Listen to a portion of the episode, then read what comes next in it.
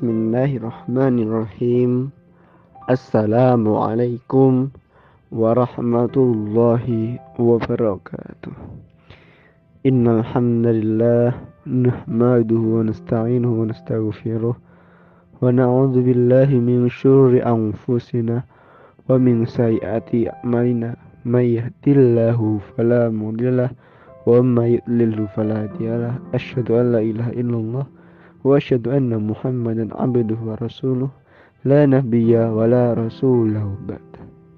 قال الله تعالى في القرآن الكريم أعوذ بالله من الشيطان الرجيم.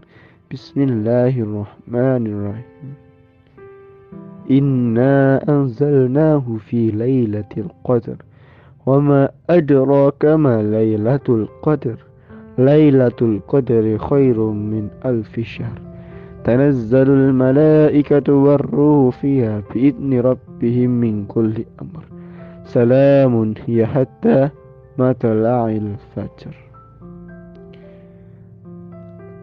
صدق الله العظيم أما بعد Alhamdulillah Kesini perkenalkan Saya Ahan Rudin Fatih Darussalam Dari PC IPM Cabang Limbing dan dari PRIPM SMK Muhammadiyah Pon dan Imam Syuhada.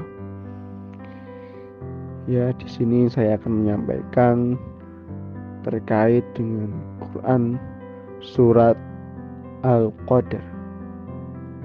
Tapi sebelum itu sedikit saya sampaikan terlebih dahulu kata-kata pengantar dari saya.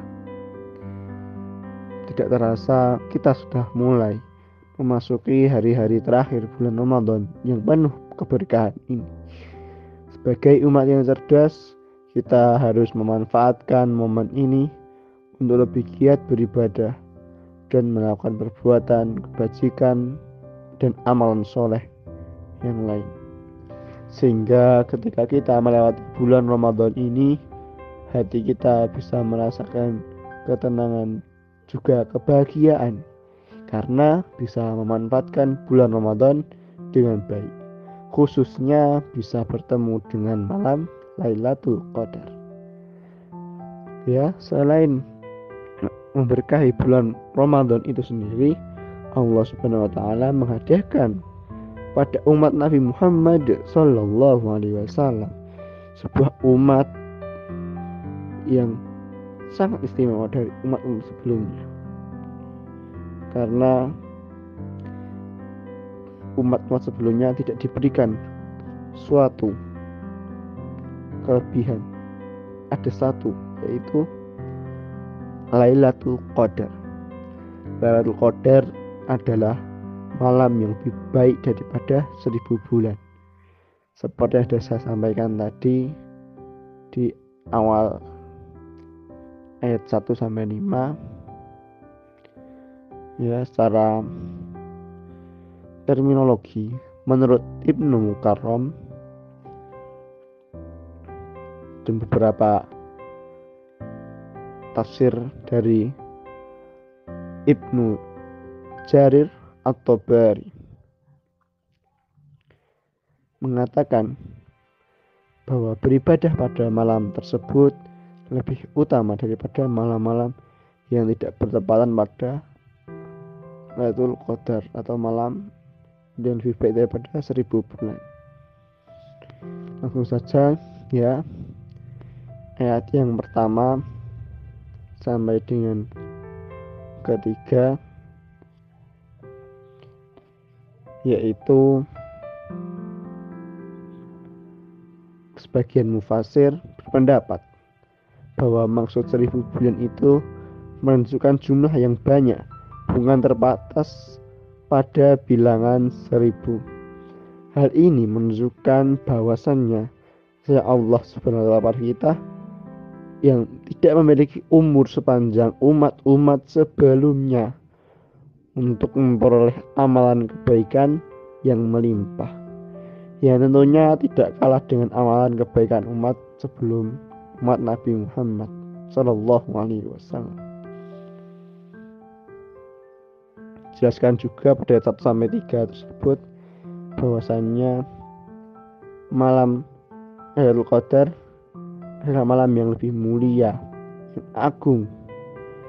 Jadi sebaiknya dan sepatutnya bagi kita para umat muslim untuk menjadikan malam Lailatul Qadar sebagai malam yang agung dan mulia. Kemudian ayat keempat pada malam itu turun para malaikat dan Ruh Jibril dengan izin Tuhan untuk mengatur semua urusan.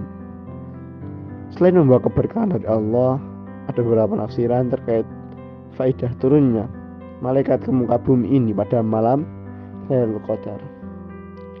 Dari Imam Al-Qurtubi menjelaskan bahwa turunnya malaikat ke muka bumi untuk mengaminkan doa-doa orang berdoa pada malam tersebut.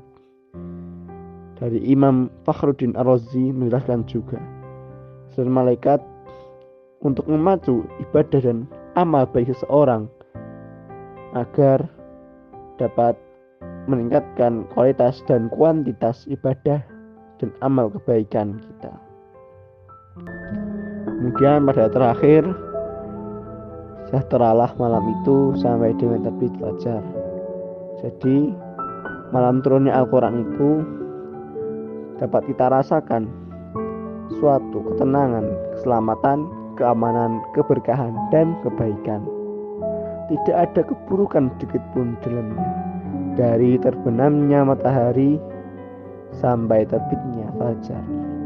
Pada malam tersebut terus berlanjut turun kebaikan, keberkahan, dan kebaikan.